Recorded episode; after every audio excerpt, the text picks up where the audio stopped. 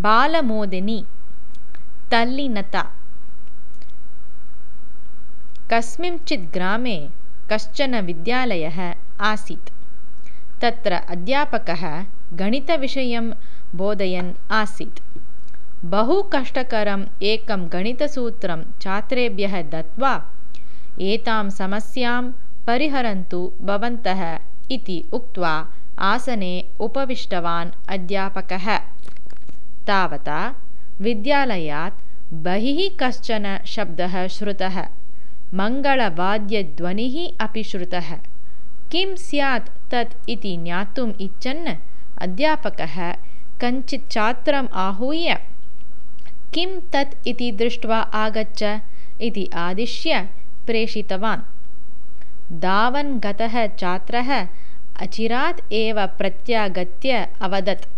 श्रीमन् ग्रामं प्रति महाराजः आगतः अस्ति। अतः तस्य स्वागतं कुर्वन्तः सन्ति ग्रामजनाः इति। छात्रस्य वचनं श्रुत्वा अन्ये छात्राः सर्वे महाराजं द्रष्टुं महतीम् इच्छां प्रदर्शितवन्तः। अध्यापकः ससन्तोषं तेभ्यः अनुमतिं दत्तवान्। सर्वे छात्राः मार्गं गत्वा महाराजं दृष्ट्वा स्वागतं कृत्वा आगतवन्तः।